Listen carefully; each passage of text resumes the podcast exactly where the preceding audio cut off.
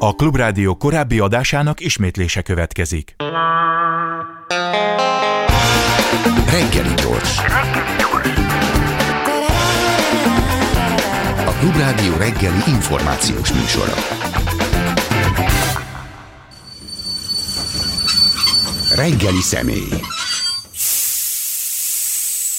Reggeli személy. Csernus Dura Egyensúly Intézet vezető klíma és környezetpolitikai tanácsadója, méghozzá abból az alkalomból, hogy egy sajtóközleményben előttem nagyon erős a kezdés, reális célokkal, politikai akarattal és társadalmi szerepellással a zöldebb jövőbe. Arra gondoltam, hogy borzasztóan érdekelne, hogy 2050-ig ugye elérjük, azt vállaltuk, hogy a teljes klímasemlegességet. Ezt tisztázunk, mi ez a teljes klímasemlegesség? Jó reggelt kívánok Jó reggelt mindenkinek! Kívánok.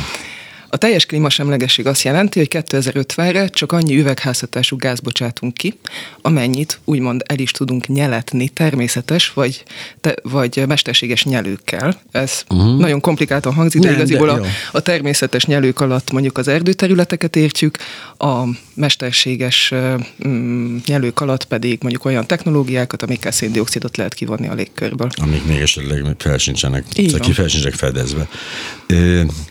Mennyire reális ez? Tehát mondjuk 28 évünk van, ha jól számolom, és hogy ezt nem rontottam el egyébként tényleg hirtelen, de hogy 28 évünk van, ami azért persze nagyon hosszúnak tűnik, meg minden, az, az tehát itt van. Tehát az gyakorlatilag itt van. Hogy állunk most ehhez képest, a semlegességhez képest? Ez abszolút, a 28 év egy igazab, igaziból egy rövid időszak, Igen. hogyha belegondolunk.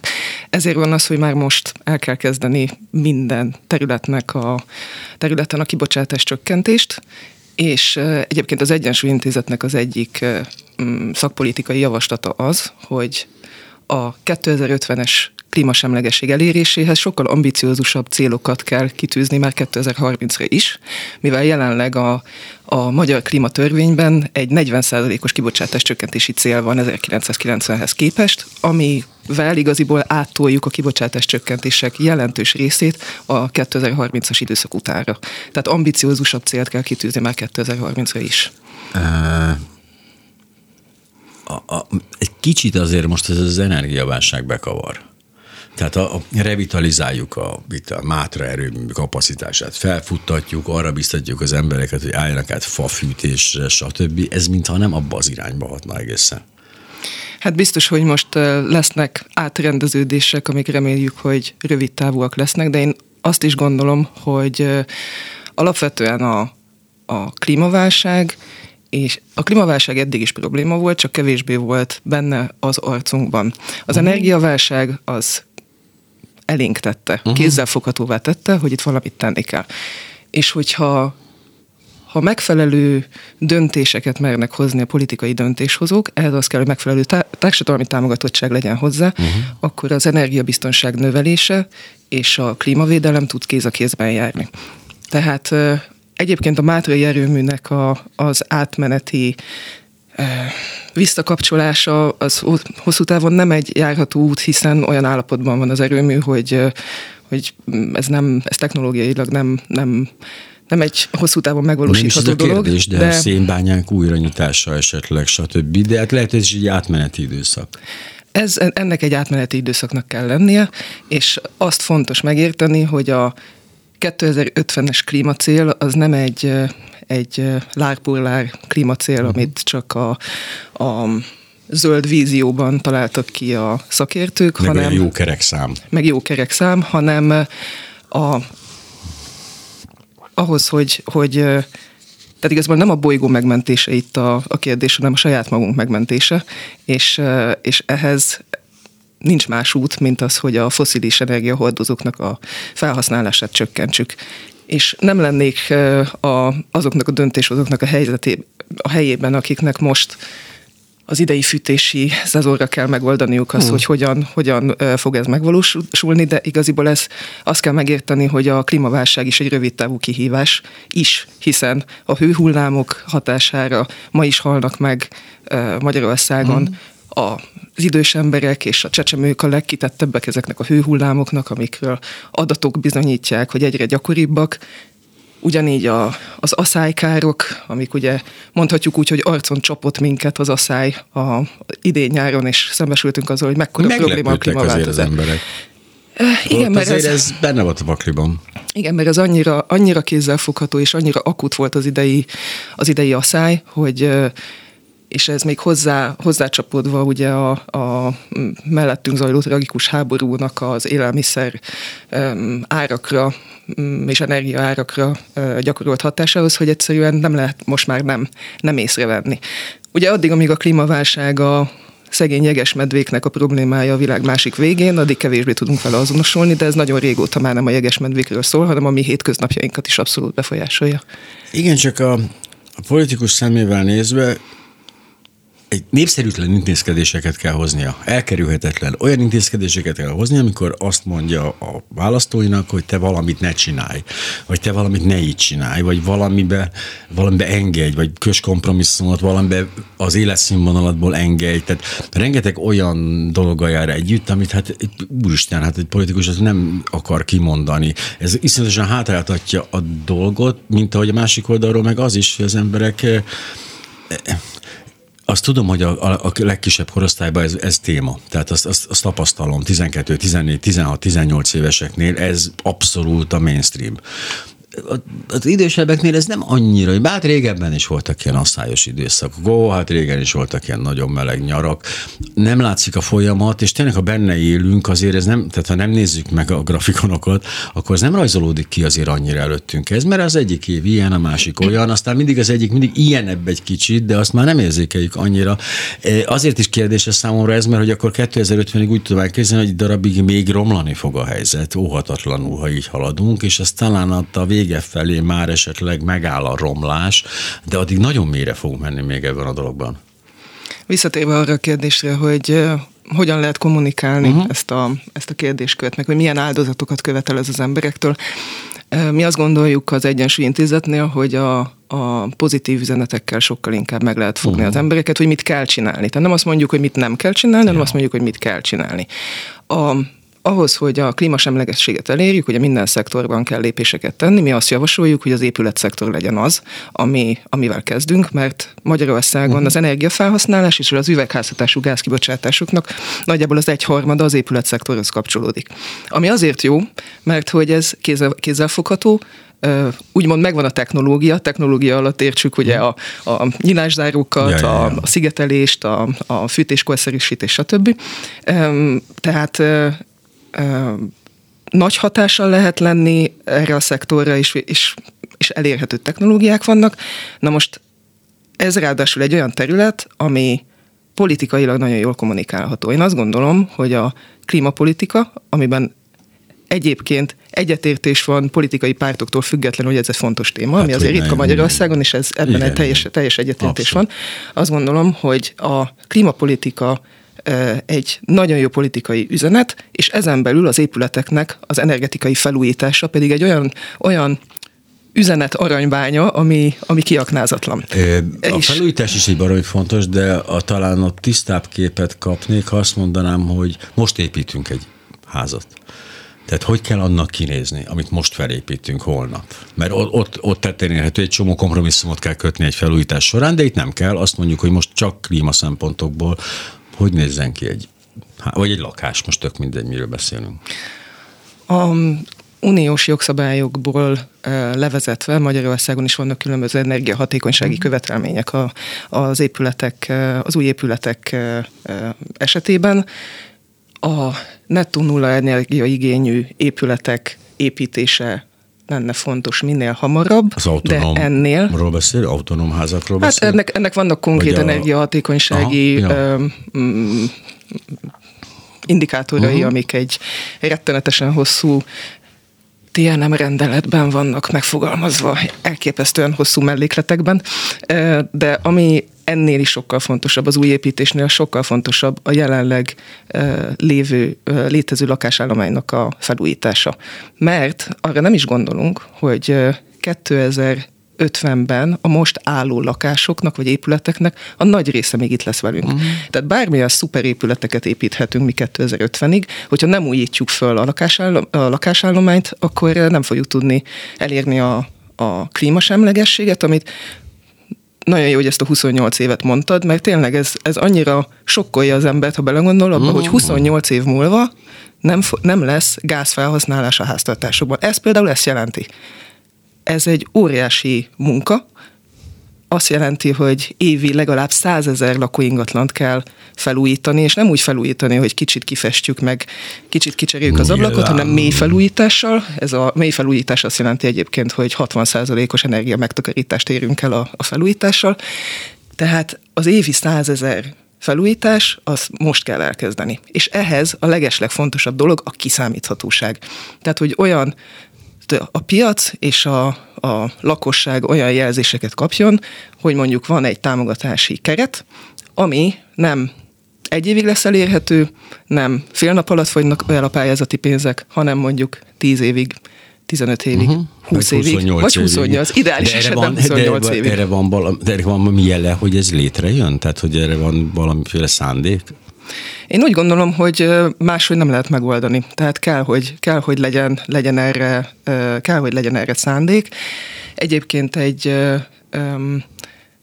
az egyik fontos dolog ebben az, hogy a lakosság számára legyen elérhető információ a felújításokkal kapcsolatban, mert ugye az egyik dolog, ami miatt az ember nem mer belekezdeni a felújításba, az az, hogy nem tudja, hogy a végén mennyibe fog kerülni. Igen, a másik az az, hogy nem tudja, hogy milyen lesz a szakember. Átveri, nem veri át, jön, nem jön. A harmadik az, hogy nem tudja, hogy milyen támogatásokat kaphat. Hogy kaphat-e akkor vissza nem térítendő támogatás, kedvezményes hitelt, most hova menjek, hány helyre kell elmennem információt kérni.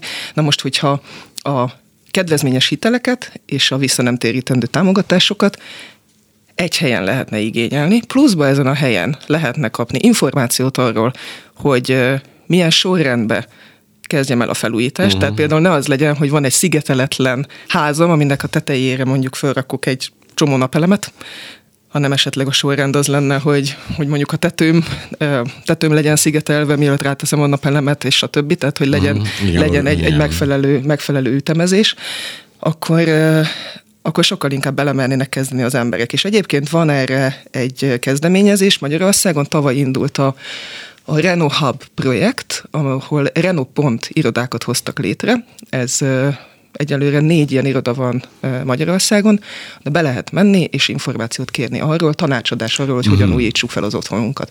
És az Egyensúly Intézetnél többek között azt javasoljuk, hogy ezt a Renault Pont hálózatot, ezt karolja föl a, az állam, és segítse az, hogy az ilyen, vagy ez, vagy az ilyen típusú tanácsadás jobban elterjedjen. De egy csomó ilyen van, én nem tudom, Green Depend, nem tudom kivel, elég sokan vannak ilyenek, ami már eleve rossz, tehát hogy már ö, ha már kettő van valamiből, akkor ezt hogy össze lehet keverni. Hát ilyenből csak egy van, ami, ahol, így össze, ahol így összefoglalják az információkat. De hogy, de hogy ott voltam a közelébe egy ilyen panel, panel szigetelési program kezdetének, meg, meg, meg közepének, meg végének, úgy sikerült végignéznem, ahol ugye az volt a, az volt a metód, hogy akkor azt mondják, hogy felét fizetik a lakók, felét fizetik a, felét megkapják ugye támogatásban, és hát erről ezt el kell dönteni, mert ez akkor megdobja a közös költséget, és ezért nem kicsit. És egy nyilván minden házban vannak, akik ezt nem tudják vállalni, ahol többen nem tudják vállalni, stb. És ott állnak egymás mellett nagyon szépen ezek a szigetelet és szigeteletlen panelházak. Nyilván akik szigetelték rájöttek, hogy rohadtul megérte nekik, mert nem tudom, de 40% a minimum csökkent a rezsi, pedig ezek a központi fűtés, tehát ez a legkegyetlenebb dolog, amikor így január végén így nyitott ablaknál kell aludni, mert hogy nem lehet levenni a hőmérsékletet, de hogy, de hogy tényleg ez a probléma, hogy hát az egyik helyen van egy napelem akció, akkor a, a falu másik szélén van a, a szigetelés, a harmadikon azt mondják, hogy akkor izé geotermikus energiával. Szóval hogy ezért ez egységesen nem kapja meg az ember egy ilyen egy ilyen ötlet, konkrétan lebontva az ő lakására főleg, hogy na itt ezt kell csinálni. Igen, és a, mm, ebben teljesen igazad van, hogy nehéz összerakni, hogy, hogy hm. melyik, melyik épület típusnál mivel kellene kezdeni, és hm. hogyan, hogyan kellene, kellene jól csinálni. Egyébként az, hogy, hogy mivel, mivel kellene kezdeni, abban abban segítenek az ilyen, az ilyen uh-huh. tanácsadó, tanácsadó irodák, és az is fontos, hogy nem, nem csak azt mondjuk meg, hogy mivel kellene kezdeni, hanem mondjuk meg, hogy mi a folyamat. Tehát hogyha elkezdünk mondjuk nyilászárót cserélni, és ahhoz felállványozzuk azt az adott épületet, akkor utána szigeteljük is le. Mert, Hisz két, mert kétszer állványozunk, állvány, így van. igen. Tehát, hogy, hogy, hogy ilyen racionális, racionális döntéseket, döntéseket hozzunk ezzel kapcsolatban. És, és az, hogy másik nagyon fontos az, hogy ütemezettek legyenek ezek a, ezek a felújítások. Tehát igaziból mi kettő lehetőséget ajánlunk, a, javaslunk abba, hogy, hogy hogyan kezdjük a felújításokat, de az egésznek a lényege a kiszámíthatóság és az ütemezés. Az egyik az az, hogy a kádárkockákkal kezdjük, mert a kádárkockák a legkevésbé energiahatékony típusú épületek Magyarországon. Ez egy lehetőség. A másik lehetőség, ami szerintünk a, ez a kettő, ami, ami talán, talán a legjobb, és amivel kezdeni kellene, a másik pedig a panelprogramnak a folytatása, mert a panelek esetében van az, hogy a, a legolcsóbban lehet egységnyi energiafelhasználást csökkenteni. Tehát mindegy, hogy melyiket választjuk, csak legyen világos kommunikáció, és legyen megfelelő a tájékoztatás, és ami nagyon fontos, hogy ahogy mondtad, hogy nem mindenkinek van, enne, van erre megfelelő Ja. Tehát nem szabad, hogy a zöld átállásnak a legszegényebbek fizessék meg az árát, ehhez megfelelő támogatási programok is szükségesek. Mindennek ők fizetik meg az árát, ugye azt nyilván tudjuk, de... De legalább törekednünk kell, Így legalább nyilván törekednünk kell arra, hogy ezt minimalizáljuk. Azt muszáj ezt eldönteni, hogy kádárkocka vagy panel, tehát azért ez ha száz, évente százezer ilyet kellene megcsinálni, Évente százezer. úgyhogy ma elkezdjük, uh, ahhoz lehet, hogy nem is kell eldönteni, mert lehetne párhuzamosan is akár. Lehetne párhuzamosan, csak legyen világos. Tehát legyen kiszámítható a, a, a piac számára, hogy mire van szükség. Az És helyzet. egyébként az, amivel um, a, ugye mindig arról beszélünk a különböző ilyen felújítási programoknak a tervezésénél, hogy szükség lenne arra, hogy ismerjük a magyar épületállománynak a, a felépítését, az állapotát, mert hogy vannak róla mérések, de ezek általában um, kisebb kisebb mérések, amikről, ugye- amikből ugye kö- következtetünk a, a teljes, teljes épületállománynak az állapotára. Mi azt javasoljuk, hogy ö, legyen egy ö, olyan program, hogy néhány év alatt mérjük föl a, az, a teljes magyar lakásállománynak az állapotát, és ezt úgy lehetne megcsinálni, ugye vannak ezek a az energiahatékonysági tanúsítványok, amiket most akkor kell megcsinálni, hogyha az ember kiadja, vagy, vagy eladja a, Igen, a, igen, igen, a lakását. És hogy mm, ezt minden lakásra végezzük el, úgy, hogy állami támogatással tesszük azt, és bevo- úgy, tehát igaziból hogyan, hogyan, hogyan tudjuk a legjobban fölmérni a lakásokat, hogyha az ingatlan tulajdonosok vagy a lakókat be tudjuk vonni. Ja, Mert hogy be kell, be kell, hogy engedjék, igen, igen, ugye igen. be kell, hogy engedjék a szakembereket, akik, akik helyszíni szemlét tartanak. Na most, ha azt mondjuk a tulajdonosoknak, hogy a, az állam fizeti az energiahatékony ö, a, a, Mhm, a felmérést, és egyébként minden jövőbeni támogatásnak előfeltétele lesz az, hogy legyen egy ilyen tanúsítvány, egyfajta felújítási útlevélként szolgál ez a, ez a, ez a, ez a, ez a, ez a, tan, ez a tanúsítvány, akkor, akkor lesz mm, akarat arra, hogy beengedjék a szakembert, hogy, hogy meglegyenek ezek a tanúsítványok. És akkor lenne, uh-huh. lenne egy, felmér, egy, egy teljes épületállomány felmérésünk, amiből ugye lehetne még jobban tervezni azt, hogy hogyan hogyan valósítsuk meg az ütemezett Ez felújítást 2050-re. Ez a felmérés így nagyjából, hát nagyjából 28 évet tippelnék, ha, ha, ha kéne tippelnem, hogy ez mennyi alatt megvalósítható. Az egy őrületes munka. Hát azért most is csinálnak sok, Hogyne. ilyen, sok ilyen felmérést. Elmondjam, Ö, hogy készült az energiahatékonysági tanúsítványa a lakásomnak? Semmi, semmi, Hol semmiféle... Itt és itt van. Jó van, ezért. Jó, küldöm akkor, jó, akkor jó lesz úgy nagyjából. Mi, milyen ablaka van? Mondom, milyen régebb. Jó, aha, jó, oké, rendben. Senki be nem nézte. Mindenképpen helyszíni szemlével Hogyne, kísért felmérést ö, javaslunk. Uh-huh. Itt is csak ismételni tudom magam, hogy kiszámíthatóság lehetővé teszi azt, hogy elég szakembert képezzünk, és foglalkoztassunk ahhoz, hogy ezeket megcsinálják. Annyira Tehát, hogyha van rá, van rá igény, ja. akkor Imádom a kutatókat, tényleg, és tényleg rettegek tőle, hogy bármiféle politikát keverek el a beszélgetésbe, de ebbe az országba kiszámíthatóságot várni, úristen, de mitől? Hát de könyörgöm, hát azt nem tudjuk, hogy holnap mennyibe fog kerülni a gerenda. Semmit nem tudunk, iszonyatosan nagy a mozgás, azt sem tudjuk, hogy hogy fogunk adózni holnap. Tehát pont ebben kiszámíthatóságot elvárni, hát naivitás egy kicsi, azt kell, hogy mondjam. Mi Itt fogunk e- megrohadni egy sivatagba 2050-ben, csak mondom. Mi az Egyensúly Intézetnél azt gondoljuk, hogy ha, ha van politikai akarat, akkor kell, hogy legyenek olyan javaslatok, amiket, amikhez akkor nyúl a politika, amikor döntést hozott arról, uh-huh. hogy mhm. ezt vagy azt meg akarja csinálni. Tehát nem akkor kell elkezdeni szakpolitikai javaslatokat gyártani, amikor megjön az igény. Mi azt gondoljuk, hogy ha ezeket előkészítjük, és ezek rendelkezésre állnak, akkor ezzel hozzá tudunk járulni ahhoz, hogyha van, van akarat, akkor ezek meg tudjanak valósulni, és egyébként a politikai akarathoz a másik dolog, amit, amit rendszeresen kiemelünk, az az, hogy a társadalmi támogatottságra, támogatásra van szükség, mert bármilyen, bármilyen jó egy, egy szakpolitikai javaslat, vagy, uh-huh. egy, vagy egy terv, egy stratégia, egy jogszabálytervezet, hogyha nincsen hozzá társadalmi támogatottság, akkor az dugába fog dőlni. És a társadalmi támogatottsághoz pedig információ, áramlás kell, passzív és aktív, tehát az kell, hogy az ember menjen az információért, de hogyha nem megy érte, akkor is kapja passzív módon, és erről minél több, minél több beszélgetés folyjon. Mind meghalunk.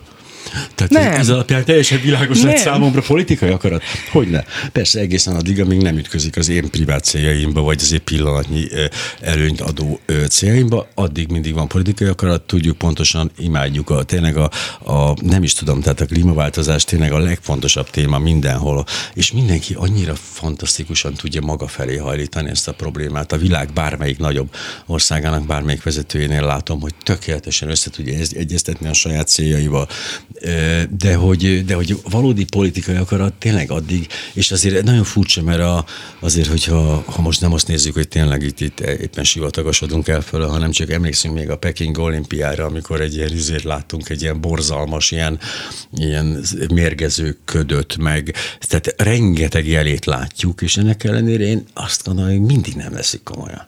Tehát valahogy azt érzem, hogy nem veszik komolyan. Mármint a politikusok és a döntéshozók a világban bárhol szeretnék kiállni a kutatók mellett, és elmondani, hogy nem vagyunk, nem vagyunk naívak. Nem, Term- nem, természetesen, nem. természetesen látjuk, hogy sokkal többet kellene tenni, de nem, le, nem, lehet, nem lehet nem küzdeni azért, hogy ennek hogy nem, legyen, ennek uh, uh, nagyobb hangja legyen, jobb mm, megértésre találjon. Abszolút, azt um, most úgyhogy, is, és iszonyú fontos. Úgyhogy, úgyhogy mm, itt nem naivitásról van szó, hanem, hanem arról, hogy, hogy hiszünk abba, hogy az a helyes, hogy erről beszélünk, és ezt, ezt próbáljuk előmozdítani. És egyébként, amit mondtál, hogy a pillanatnyi, hogy a pillanatnyi érdek felé uh-huh. hajlítják mindig a klimapolitikát, én úgy gondolom, hogy a jelenlegi energiaválság mondjuk egy olyan helyzet, ahol lehetne a, az aktuál politikai érdekeket és a klímaváltozást, egy klímavédelmet egyszerre megvalósítani. Igen, tehát, tehát az, hogy az, és, és, egyébként, hogy? és egyébként kormányzati, kormányzati anyagokban is több helyen szerepel az, hogy és ebben teljes egyetértés van, hogy a, a gázfelhasználást és a gázfüggőséget Magyarországon csökkenteni kell. Ez benne van a Nemzeti Energiastratégiában, a Nemzeti Energia és Klímaterve is sorolhatnám még, hogy hány kormányzati anyagban van, van benne, tehát hogy erre, erre van egy, egy politikai akarat és konszenzus ezzel kapcsolatban. Na most, miután a, az Ukrajnában zajló háború sokkal élesebbé tette ezt a helyzetet, ugye az aktuális érdek, az aktuális uh-huh. geopolitikai érdek fölgyorsítja ezt a, ezt igen, a, a, a zöld célokkal. Így van, így van. Úgy, De hogy jó irányba gyorsítja föl? Itt az a kérdés, hogy elengedjük a gázt, uh-huh. így nyilván el kell engednünk, de mit, a helyére mit fogunk tenni? Tehát az azért baromi fontos, hogy a megújulók felé fordulunk, ami egy kicsit azért kockázatos, bonyolult, nem is értik egészen, miről van szó. Vagy azt mondjuk, hogy akkor már lépjünk hátra kettőt, nyissuk újra a szénbányákat, és akkor...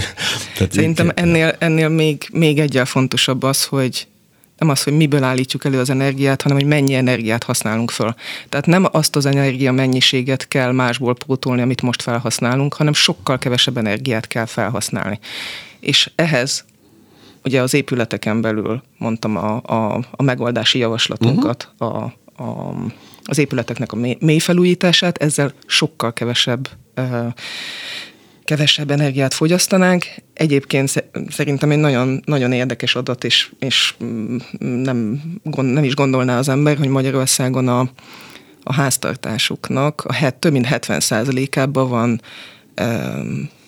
használnak gázt, vagy gázt is, tehát, hogyha a háztartásokból, a lakásokból kivezetjük a gázt, vagy csökkentjük a gázfelhasználást, akkor ezzel, ezzel nagyon le, nagy lépést teszünk a foszilis energiahordozók csökkentése felé. Abszolút. És, és ugyanígy a, a közlekedés területén nem az a megoldás, hogy mondtad, hogy a megújulóknál is van, van eléggé, eléggé sok, sok kérdés, mondjuk a, a nem az a megoldás a közlekedésnél, hogy a világon most futó összes belső égésű motorral szerelt autót lecseréljük elektromos autóra, hanem hogy kevesebb autót, autót um, használjunk, vagy racionálisabban, racionálisabban használjuk a, a, a gépjárműveinket.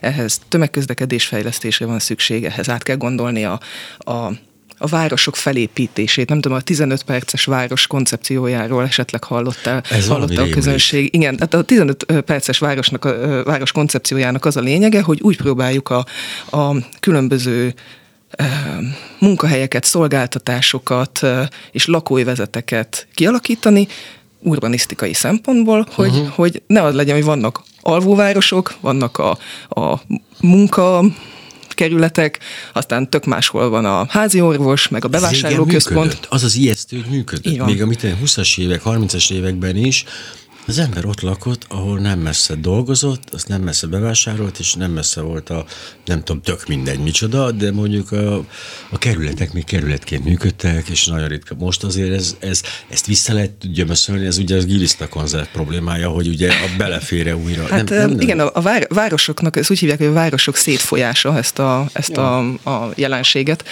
A, azt kell megérteni, hogy miért kezdtek el kiköltözni az emberek sokkal messzebbre a belvárosokba. Azért, mert tarthatatlan a, a légszennyezési helyzet, a forgalom, egyszerűen kell, kellemetlen egy csomó helyen lakni a belvárosi, mm. belvárosi területeken. A, egyébként a, a klímaváltozás és a légszennyezés egy nagyon szorosan összefüggő, összefüggő kérdéskör ez is szerintem egy eléggé ijesztő adat, hogy Magyarországon évente 13 ezer ember hal meg a légszennyezéshez kapcsolódóan. Mm.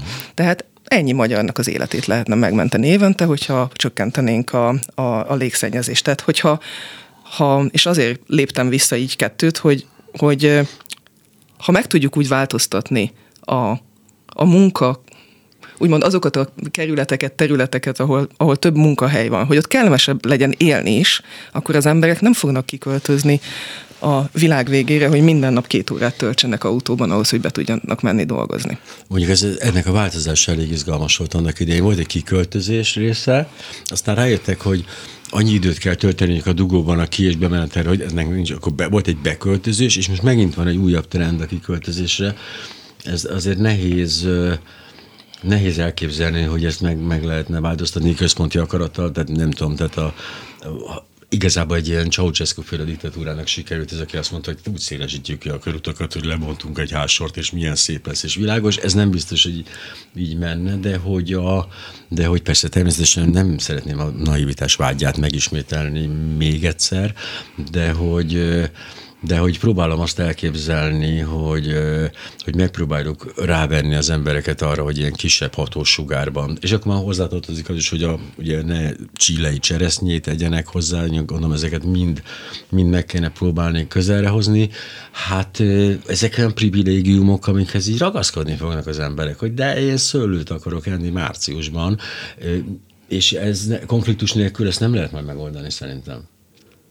Mm, ugyanakkor azt gondolom, hogyha van egy külső mm, külső tényező, ami uh-huh. mondjuk, de mondjuk nem, a, nem, nem, nem politikától függ, hanem egyszerűen Persze. a világpiaci árak ilyenek olyanok uh-huh. vagy amolyanok, és, és az, az a az az árjelzés jön, az a piaci jelzés jön, hogy ez egyszerűen túl drága, akkor az emberek nem, nem, nem, nem fogják venni. Tehát, hogy mondjam, Aha. az, hogy a, hogy a, a mondjuk a autóval közlekedésnél, hogyha drágább az üzemanyag, akkor ritkában használom az autómat. Gondoltam ez, én is ezt. Ez egészen... És nem, bármilyen benzinára emelés, bármi esetében én... Én ezzel nem értek egyet. Ott ülnek egyedül a dugóban az emberek, ugyanannyian körülbelül, ugyanúgy égetik azt az üzemanyagot, nem vesznek vele még három embert abba a kocsiba, hogy valami észszerűsítsenek, ugyanúgy nyomják. Én ezzel nem teljesen értek egyet. E, Azt gondolom, hogy belvárosi területen ez nem föltétlen állja meg a helyét. Az agglomerációs létnek a nehézségeiben benne van az, hogy kell, hogy legyen alternatív arra, hogy én autóval járjak. Tehát, hogyha, mm. hogyha nincsen megfelelő tömegközlekedés, vagy autómegosztási mm. rendszerek, akkor nem tudok más csinálni, viszont minél magasabb az üzemanyagár, annál nagyobb igény lesz arra, hogy ezek kialakuljanak. Egyrészt mondjuk az autó megosztó hálózatoknak uh-huh. a mhm. fejlesztése, a tömegközlekedés fejlesztése az meg, az meg zajlik, és kell, hogy folytatódjon, és sokkal, sokkal intenzívebben. Én ahhoz, hogy... Budapesten. Azt kell, hogy mondjam, én, én másfél éve Más, másfél éve kölcsön adtam a jogosítványomat valami, de majd visszakapom nem sokára. De a lényeg az, hogy másfél éve tömegközlekedést használok, és hogy és meglepően szórakoztatóan jó. Tehát azt kell, mindenki panaszkodott addig, és, hogy, és tényleg én is az a típus voltam, aki otthon maradtam, az is taxit hívtam, de hogy de hogy a másfél éves tapasztalatom az, hogy egyrészt eljutok mindenhova viszonylag normálisan, másrészt, hogy az állapota sem annyira borzalmas, mint ami. Abszolút, abszolút. Persze valamikor nagyon meleg van valamiért, meg valamikor rossz arcú emberek körülbelül, de nyilván ez mindenhol így van, de hogy az képest, hogy más városokban, amit tapasztaltam, ez nem olyan rossz, tehát ez jó. Tehát az gondolom, Európai fővárosok viszonylatában Budapestnek jó, uh-huh. jó a tömegközlekedése, és én a kerékpáros közlekedést is kiemelném, mert hogy én egyébként kerékpárral járok. Azt kívánom. És, és egy nagyon-nagyon pozitív oldala az, hogy a kerékpár olyan, hogyha az ember elindul, akkor el van indulva. És mikor Ezt odaér, erre, akkor meg van rövid, érkezve. Igen, ez egészen, rövid, egészen csodálatos. Rövid csodálatos magyarázatát ennek, hogy micsoda? Hogy, hogy is van ez az el van indulva? Úgyhogy a, ha autóval közlekedek, akkor ülök a dugóban, aztán nem tudok hova leparkolni. Én motoros vagyok, csak ha, mondom, nekem ha, sokkal könnyebb. Akkor könnyebb. Csak nem kell tekerni. A, de nem is leszel tőle egészségesebb. De betegebb se. De Tehát az, nekem, nekem ez már egy erekkorban tehát nem akarok én már a, töme, a tömegközlekedésnél pedig van olyan, hogy várni kell a buszra. De a kerékpárnál, ha elindulunk, akkor el vagyunk indulva. De ez az én Ezt saját... egy saját... novemberi, egy novemberi, egy, őszi, egy novemberi estén így egyébként egy enyhe őemelkedéssel azért újra feltenném ezt a kérdést, de hogy... Egész évben biciklivel járok, de térjünk vissza a, a tá, tá, tágabb, tá, tágabb... A globális, a globális felmelegedés a, dolgokra, a tehát a, a kerékpáros hálózatnak a fejlesztése és a tömegközlekedés fejlesztése abszolút, abszolút elengedhetetlen ahhoz, hogy ez a, a közlekedési kultúra meg tudjon változni. Tehát kellene pozitív és negatív, és negatív ösztönzők is. Bajom. Tehát ne, én, én tényleg látom, hogy ezt a másfél Celsius fok, hogy ez körülbelül hogy, hol van előttünk. És azt is tudom, hogy ez a, mit jelent ez majd, hogyha fel se folyják az emberek, hogy mit jelent másfél Celsius fok felmelegedés, az komoly fajkihalásokhoz fog vezetni, még így is, ha megúszuk. És ehhez képest a tempót azt gondolom, hogy elképesztően lassú. Tehát, hogy, hogy mintha még mindig úgy ráérnénk erre. És ez tényleg egy dologban van bizodalmam, ezekre a 12-14 évesekre gondolok, ha ez a generáció felnő, már pedig 28 évvel csak felnő, akkor ott, ott lehet, hogy egy, ott egy sokkal erősebb társadalmi nyomás fog ránehezedni a, a, az aktuális politikusokra. Igen, én, én, én, én ezt tapasztalom egyébként, amikor um, fiatalokat oktatok, uh-huh. hogy teljesen más a hozzáállásuk, ugyanakkor az a probléma, hogy nem tudjuk megvárni, hogy felnőjön egy újabb generáció, és kerüljön döntéshozói pozícióba, tehát hogy ezek, ezeket most kell meglépni, ezeket a, a lépéseket, és ehhez például, amit mondta, hogy a másfél fokot nem nagyon tudják elképzelni az emberek, hogy mit jelent. Csak hogy a, a hallgatók is tudják mindannyian, hogy miről, miről van szó. Itt az a, igaziból az a, az a cél, hogy a Föld átlag hőmérséklete 2100-ig maximum másfél fokkal nőjön az ipari forradalom előtti szinthez képest. Most 1,1 foknál vagyunk, és ez a másfél fok lenne, lenne a cél, és a másfél fok is már egy tehát olyan visszafordíthatatlan mm, változásokat uh-huh. hoz, amik, amik nagyon problémásak mondjuk csendes óceáni szigeteknél, ahol konkrét földterületeket veszítenek a, a, az óceán vízszintjének a növekedése uh-huh. miatt, de, de közelebbi problémákat is láthatunk. Ugye térjünk vissza a mostani aszályra és hő, hőhullámokra, de egyáltalán nem mindegy, hogyha túl is lövünk ezen a másfél fokon, mert jó eséllyel túl fogjuk hmm. lőni, akkor mennyi idő alatt térünk vissza a másfél fok alá? Tehát lehet túllövéssel számolni, túllőjük, és utána visszatérünk. És az sem mindegy, hogy másfél fok lesz a növekedés, két fok lesz a növekedés, vagy négy, vagy hat. Tehát amikor azt mondjuk, hogy már el vagyunk késve, sosem, sosem vagyunk elkésve, mert egyáltalán nem, nem mindegy, hogy kicsit lesz rossz, vagy nagyon lesz rossz, lefordítva az asszályos... A négy fok az már kihalást jelent, tehát azt gondolom, hogy négy fok az már ugye mi kihalásunkat, tehát ott már egész komolyan azért megvan a kockázat. Hát a társadalomnak jelen formájában a társadalomnak a jelentős mm. mértékű átalak, átalakulását jelenti. Egyre finoman Milyen szépen megfogalmaztam. Ezt ugye, a föld alatt, mint a jauk, igen. Úgyhogy, de hogy, ha most csak visszatérünk arra, hogy másfél fok vagy két fok, uh-huh. az a kettő között is óriási különbség van, ezért minél hamarabb el kell kezdeni minden területen a dekarbonizációt, ezt a szót még nem használtam, pedig annyira jó, gyönyörű, jó, gyönyörű, jó, gyönyörű magyar szó, és természetesen sokkal jobb lett volna, hogyha elkezdjük 15 évvel ezelőtt, de sokkal jobb ma elkezdeni, mint 15 év múlva, vagy mint holnap. Úgyhogy... Fantasztikus, hogy kezdjük el, de hogy az, hogy mi most megbeszéljük, hogy kezdjük el, oké, én azt mondom, kezdjük el, tehát én azt, hogy nyitott vagyok erre. Nyilván mi azért olyan sokat nem tehetünk ehhez hozzá, bár információval valóban szolgálhatunk, de nem minden ezt nevezem kezdetnek. Én most mindig belegondolok, én egy klasszikus bérházban lakom, és ugye én annak idején, hát elsősorban a zajra gondolva, de akkor már mindenre gondolva, megcsináltam egy ilyen nyilászáró, nyilászáró cserét, és mondta nekem az ember, megveregette valamit, és mondja, nagyszerű, ez tényleg klassz, tehát, hogy de a zajt azért annyira nem fogjuk kiszűrni, hogyha minden ablak alatt ott van egy ilyen parapet, és van egy ilyen lyuk a falban, amit én abszolút beláttam, de hát gondoltam, legalább elindulok valamerre. De az a, az a legrosszabb. Tehát a parapet, azt hiszem, ugye az a, az a rémisztő, tehát ott aztán tényleg hűtem az utcát. Mm, sok, sok rémisztő, rémisztő te- technológia van, erre, erre való a, a tanácsadói hogy irodahálózat, amelyik elmondja, hogy hogyan tudnád felújítani az otthonodat, és ismétlem, nagyon fontos a támogatás is, a kedvezményes hitel, a visszanemtérítendő támogatás és a racionális felújítási terv. Tíz percünk van. Hogy csinál az egyensúly, hogy, hogy hogy próbálja meggyőzni erről a, a, azokat, akiket meg kell győzni, vagy mik azok a lépések, amiket tesz. Szóval hogy lehet nyomást gyakorolni, hogy lehet ezt a dolgot előbbre blendíteni. Az Egyensúly Intézet a szakpolitikai javaslatait, függetlenül uh-huh. attól, hogy klímavédelemmel, munkaerőpiacsal, gazdasággal vagy oktatással kapcsolatosak, a szakpolitikai javaslatait eljutatja a döntéshozóknak az asztalára, e, pártoktól függetlenül politikai vezetőkhöz juttatja el ezeket a javaslatokat, és amennyiben igény van rá, akkor személyes találkozókkal is um, megerősíti, kifejti, elmagyarázza a javaslatokat, illetve a mm, különböző konferenciák, egyeztetések segítségével próbálja minél nagyobb, minél nagyobb körben megismertetni a javaslatait.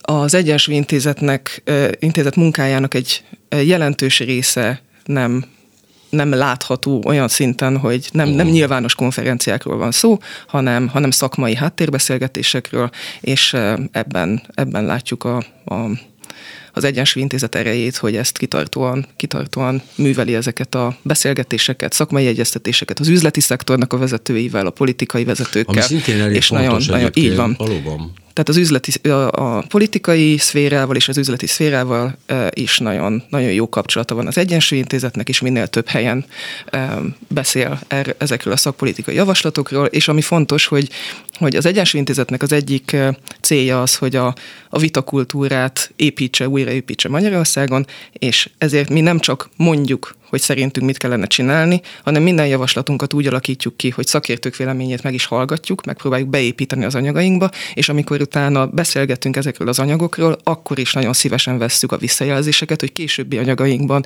anyagainkat tudjuk fejleszteni, és legyen egy ilyen mm, beszélgetés, kommunikáció, hogy egyre, egyre jobbak legyenek ezek a javaslatok, és egyre megvalósíthatóbbak legyenek. Hát igen, a vitakultúra, ez igen, kicsit fontos, nehéz azzal az érve vitatkozni, hogy ez hülyeség. Nincs itt semmiféle klímaváltozás, meg fölmelegedés, meg, a, meg ugye az az érv, és az a kedvenc érvem, és az nem is annyira elvetendő, amit a Bolszánó is mondott, meg a kínaiak is mondtak, hogy hello, hello, hello, hát e, hol vannak Európában a dzsungelek? Hogy már kiirtottátok annak idején, amikor az iparosodás elindult, hát akkor bocs, akkor szeretnénk mi is iparosodni, úgyhogy mindenki kussolja. Ezzel azért nehéz vitatkozni, és azért ez egy erős ér volt részükről. Igen, ez egy sokkal, ez egy sokkal tágabb problémára hívott fel a figyelmet, ez már nem a, a az Egyensúly Intézet Magyarországra vonatkozó javaslatainak a, a, a témája. Én személyes élményt tudok erről mondani. Nekem volt szerencsém korábban olyan, olyan helyen dolgozni, ahol mm, klímavédelmi ENSZ konferenciákon vettem részt, és rendszeresen ez volt a probléma, hogy a, a fejlett országok azt mondják, hogy most már azt mondják a fejlődőknek, hogy nem lehet így tovább fejlődni, mert hogy mindannyian meghalunk, kész, hagyjátok abba, most direkt, direkt ugye leegyszerűsítem. A fejlődő országok pedig, pedig azt, azt mondták, hogy mégis hogy jöttök ti ahhoz, hogy megmondjátok nekünk, hogy hogyan fejlődjünk, miközben ugye az ipari forradalom óta, uh-huh. óta eltelt időszakban ti milyen mennyiségű foszilis energiahordozót égettetek el, és a, a problémának a jelenlegi szintjétek egy nagy részét ti okoztátok. És akkor így mennek ezek a, uh-huh ezek a te voltál, nem te voltál, nem te voltál, és igaziból a megoldás, most egy viccet félretéve, az a technológia transfer és a pénzügyi transfer. Tehát az, az a lényeg, és erről folynak egyébként, tehát minden ENSZ konferencián, klímakonferencián ez a lényeg, hogy a a fejlett országok hogyan adnak át anyagi és technológiai erőforrásokat a fejlődőknek azért, hogy a, a gazdasági fejlődés el tudjon válni a az üvegházhatású gázok kibocsátásának a növekedésétől. Tehát, hogy, hogy um, van Megvásárolják a bűntudatukat. Igen, ez teljesen oké. Bár én úgy hát, hogy... Az, hogy át... Tehát, hogy ne, ne ugyanazt, a, ne, ne azt mondjuk a fejlődő világnak, hogy ti nem fejlődhettek, hanem azt mondjuk, hogy ne ugyanazt a pályát fussátok be, amit mi futottunk be, és ehhez segítséget adunk, anyagi segítséget és technológiai segítséget. Ami reális lehetőség lenne egyébként, Abszolút. ha belegondolok, hiszen azt mondjuk, hogy figyeljetek, itt izé öt elemet kiveszünk a fejlődésből, amelyek nagyon károsak voltak, és egy sokkal magasabb szinten biztosítjuk ezt a dolgot, de hát azért az, az, az, az egyrészt brutális összegekről van szó, tehát azt gondolom már-már a haditechnikával azonos, azonos mértékű összegekről van szó, illetve hát azért írtózatos méretű, hát itt kontinensekről beszélünk, uh-huh. tehát azt mondjuk, hogy komplet Afrika, Ázsiának egy jelentős része, dél Dél-Amerikának, Közép-Amerikának egy jelentős része nagyobb gyakorlatilag, mint a fejlett világ. Igen, de um, arra is kell gondolni egyrészt, hogy mert ugye azt nézzük, hogy az Európai Uniónak a kibocsátásai azok, azok mondjuk globális szinten hol vannak, ez nagyjából 10% a globális uh-huh. kibocsátásoknak és mm, gondolkodhatnánk azon, hogy de hát akkor mi azzal a 10%-kal mit tudunk csinálni. De hogyha most bárki, aki hallgatja ezt az adást, így megnézi, hogy hol gyártották a telefonját, vagy a számítógépét, hát, vagy, vagy a ruháját, a vagy a bármit. Tehát, Nyilván. igen, de ezért van sokkal nagyobb hatásunk. Tehát az, hogy mi kiszervezzük a kibocsátást, az és ezért már csak 10 tehát igaziból nem a kibocsátások 10 áért felelünk olyan szinten, vagy nem csak arra van hatásunk, hanem arra is van hatásunk, hogy milyen, uh, milyen követelményeket fogalmazunk meg azokkal a termékekkel kapcsolatban, amiket importálunk az Európai Unióba. Zöld, zöld Németország, ugye, hát persze, hát itt vannak az autógyárai, hát persze. Úgyhogy, zöld, igen, nyilván. Úgyhogy uh, ebben, ebben nagyon, nagyon fontos, fontos a felelősségünk, hogy, uh, hogy a, a, az EU-nak, és ezen belül Magyarországnak a, a diplomáciai, politikai erejét hogyan használjuk arra, hogy a világ más részein is csökkenjenek a kibocsátások, és, annyi,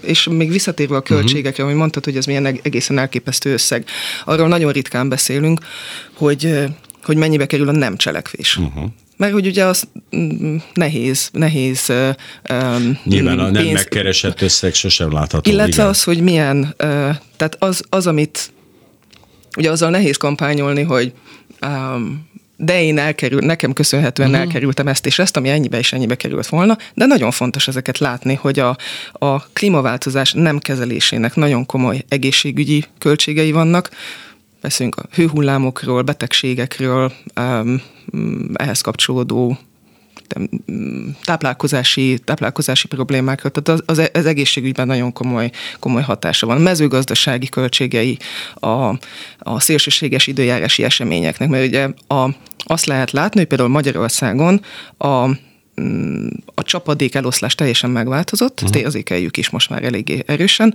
Sokkal több aszályos nap van, és a csapadékból pedig több esik le egyszerre.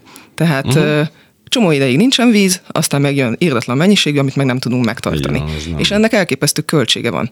Tehát lehet, hogy sokba kerül a víz megtartásnak mondjuk a, a, a fejlesztése, de mellé kéne tenni azt, hogy mennyibe kerül a nem fejlesztése, és ennek az indirekt hatásai, és Értető, akkor már, hát akkor már abszolút ez, megéri. Ez a, amiről beszéltünk a biciklizés problémája, tehát hogy azt nehéz azért felbecsülni, hogy mennyivel jobb, meg milyen betegséget nem fogok elkapni. Igen.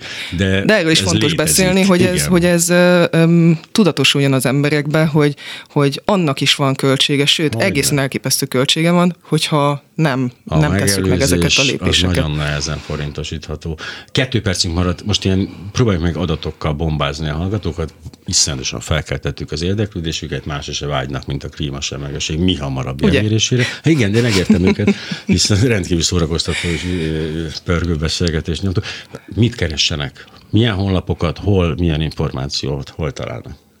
Az egyensúlyintézet.hu oldalán a különböző szakpolitikai javaslatainkat találhatják meg. Van három klímavédelmi anyagunk. Az egyik arról szól, hogy hogyan kellene a klímavédelmi célokat, a mm, klíma, magyar klímacélokat uh-huh. ambiciózusabbá tenni. A másik arról szól, hogy hogyan, kell, hogyan kellene a háztartásokban a um, lakosságnál a gázfelhasználást csökkenteni, uh-huh. és hogy a közlekedésben hogyan lehetne csökkenteni, illetve az iparban. A harmadik pedig, ami nekem a, a ha mondhatok ilyet, a szívem csücske, az az, hogy hogyan lehet a, az épületszektorban a évi, évi százezer lakás felújításának a rövid távú problémáit megoldani. A munkaerő, alapanyaghiányt, a szociális kérdéseket, a hálózatfejlesztéseket, tehát hogy ennek a, az évi százezer ingatlan felújításnak lesznek rövid távú kihívásai, de ezeket nem tagadni kell, hanem minél hamarabb listázni, és megoldási javaslatokat kitalálni ezekre. Úgyhogy én ezt, ezt javaslom, hogy... Csernos Dóra, Egyensúly Intézete vezető, klíma és környezetpolitikai tanácsadója. A nagybetűkkel baj van, kakuk, és most jön. Ez volt a reggeli gyors. Kelecsényi Krisztina, Lentai Miklós, Zsidai Péter és a szerkesztő Herskovics Eszter nevében is búcsúzik önöktől a műsorvezető Parakovács Imre a Viszonthallásra. Reggeli gyors, nem maradjon le semmiről. A Klubrádió korábbi adásának ismétlését hallották.